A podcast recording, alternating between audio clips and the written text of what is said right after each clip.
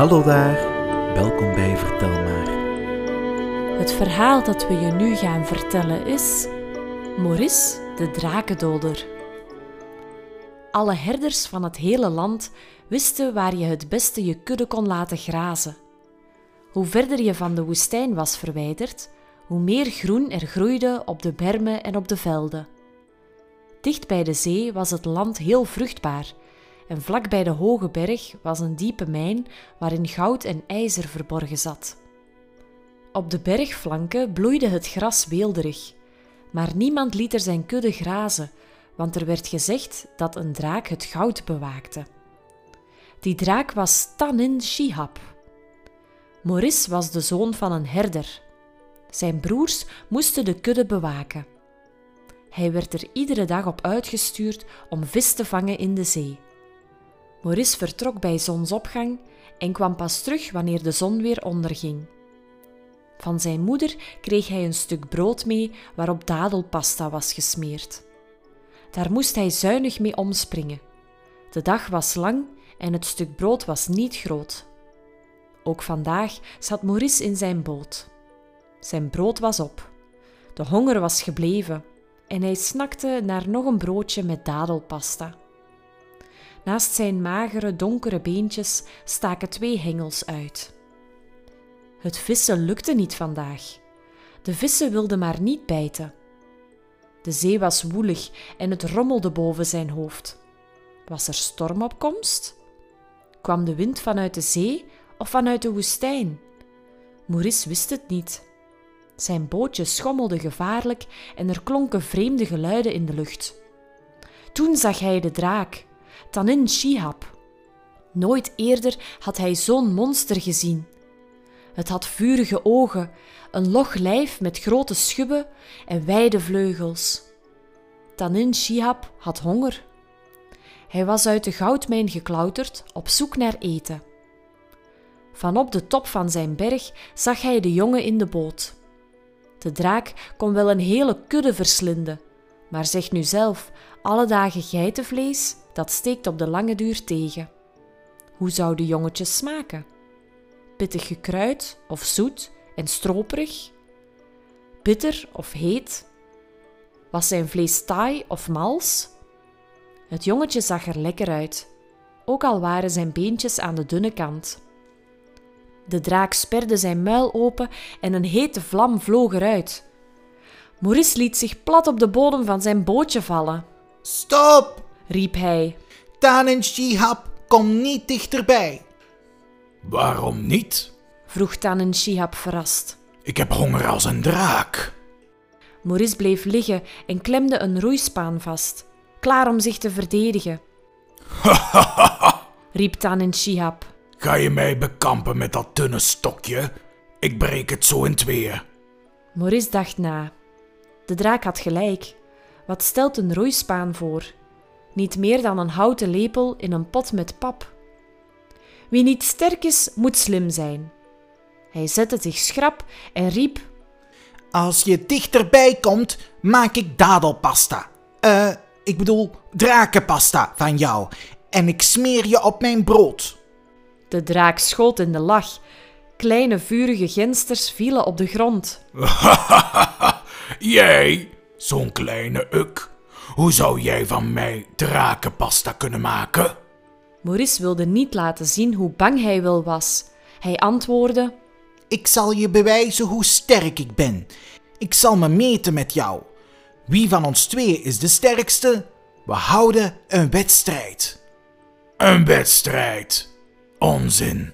Niemand houdt een wedstrijd met een draak. Ik ben niet niemand. antwoordde de jongen. Ik ben iemand. Ik ben Maurice, de drakendoder. Iedereen kent me en er worden verhalen verteld over mijn kracht. Ook nu ben ik op weg om de draak te verslaan in het land waar de zon nooit ondergaat. Doe je mee met de wedstrijd? Als jij wint, ben ik je hapje en mag je als dessertje de hele kudde van mijn vader opeten. Als ik win, maak ik drakenpasta van je. De draak lachte. Er kwam een grote vonk uit zijn neus. Knaap, jij krijgt je kans op voorwaarde dat ik kies hoe de wedstrijd eruit zal zien. Goed, antwoordde Maurice, zeg maar wat ik moet doen. We houden driemaal een wedloop. zei de draak. We vliegen van deze zee naar de andere zee. Wie als eerste aankomt, wint. Dat is een fluitje van een cent. zei Maurice en hij roeide naar het strand. Daar stond Tahin Shihab in al zijn grootte en de draak legde de wedstrijd uit. Ik tel tot drie en dan begint de wedloop. Bij deze lijn moet je staan. Hij maakte met de nagel van zijn klauw een lijn in het woestijnzand en zette zich klaar, Ho ho, dat is niet eerlijk. zei Maurice. Jij bent meer dan 10 meter lang. We staan nu met onze neus bij de lijn. Zo heb ik een voorsprong op jou. Dat is niet erg. zei Tanin Shihab, Eerlijk is eerlijk. zei Maurice. Ik zal 10 meter achter je staan, gelijk met je staart. Inderdaad, dat is eerlijker. zei de draak. Klaar? De draak telde af. Eén, twee. Hupsakee! Op twee ging Maurice op de staart van de draak zitten. Die voelde niets vanwege zijn dikke schubben. Op drie stoof de draak naar voren. Hij vloog over de Atlantische Oceaan. Er was net een zware storm aan de gang.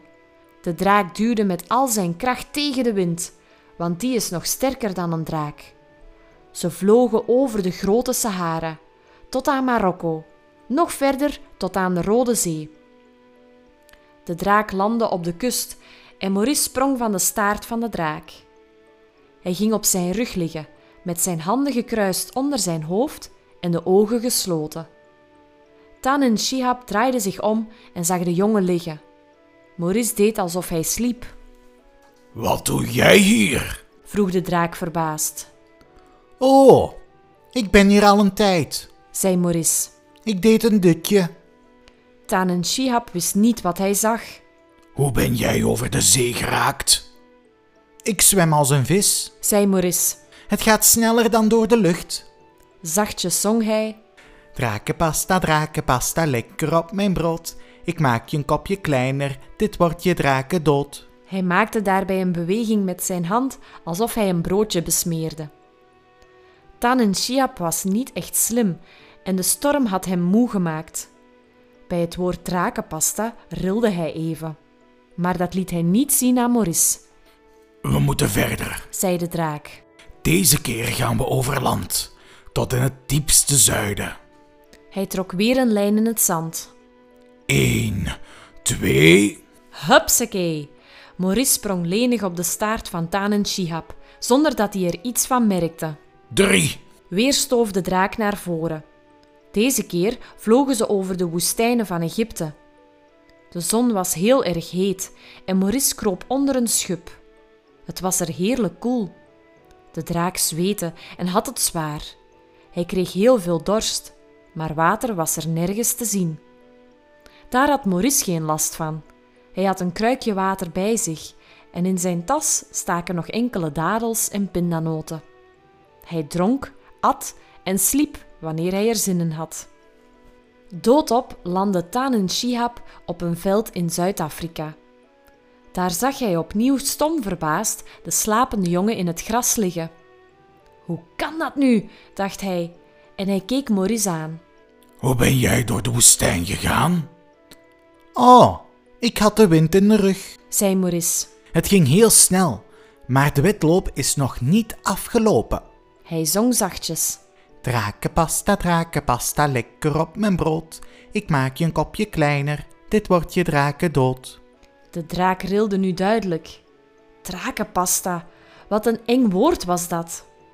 Maurice stond op en klopte het gras van zijn vest. De draak wilde graag nog wat uitrusten. Dat liet Maurice niet toe. Laten we vertrekken. De laatste proef van de wedstrijd. Tan en zuchtte. Nu gaan we over het gebergte, naar het koude noorden. Daar zal de wind je niet helpen. Hij trok weer een lijn in het zand. Eén, twee, Maurice sprong op Tan en staart. drie. Weer stoof de draak naar voren. Deze keer vloog hij over de vulkanen in Rusland. Een wolk van gif drong in zijn neus.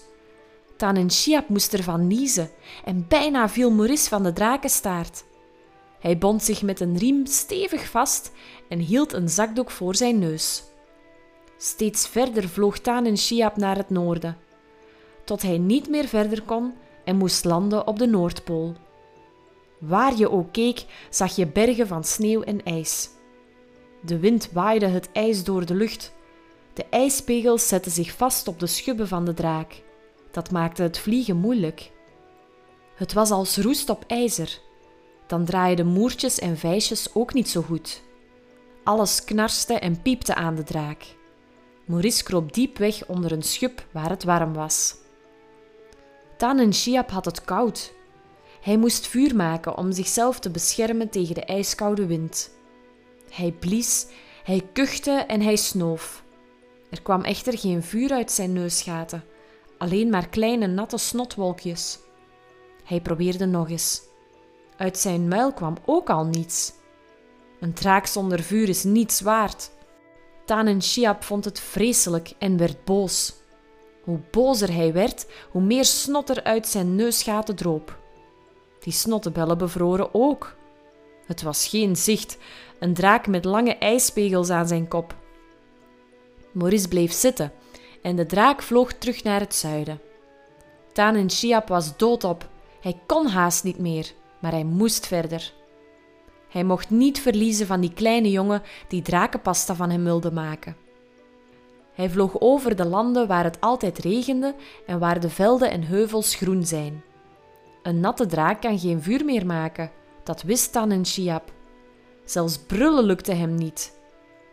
Hij probeerde gevaarlijk te klinken, maar het klonk als het piepen van een muis. De dikke ijspegels smolten en de druppels vielen op zijn schubben. Alles kraakte aan zijn lijf en het leek wel alsof hij helemaal uit roest bestond. Maurice voelde zich fris en goed. Hij keek naar het land onder hem. Daar waren de eilanden, daar was de woestijn, daar was het land van zijn vader. Zijn bootje lag nog steeds waar hij het had achtergelaten. Taan en Shiap viel uitgeput op het zand neer en Maurice sprong op tijd van de staart. De draak kon nauwelijks nog een woord zeggen. Hij hijgde om op adem te komen. Toen zag hij de jongen rondlopen.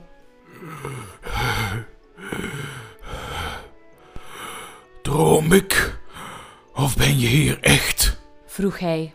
Ik ben hier al een hele tijd zei Maurice. en ik zoek hout om een vuurtje te maken. Vuurtje? vroeg de draak. Ja, dan kan ik eindelijk mijn potje drakenpasta bereiden. zei Maurice. De draak bekeek de jongen van top tot tenen. Hij zag er fit en fris uit. Hoe komt het dat jij geen ijs op je lijf hebt? Hij probeerde nog eens vuur te spuwen. Het lukte niet, Dat is een fluitje van een cent. zei Maurice. Mijn adem is heet. Als mijn handen koud zijn, blaas ik erop. Hij ging wijdbeens voor de draak staan. Ik heb gewonnen. Met welk stukje zal ik beginnen? Hij haalde zijn zakmes uit zijn tas en keek de draak aan.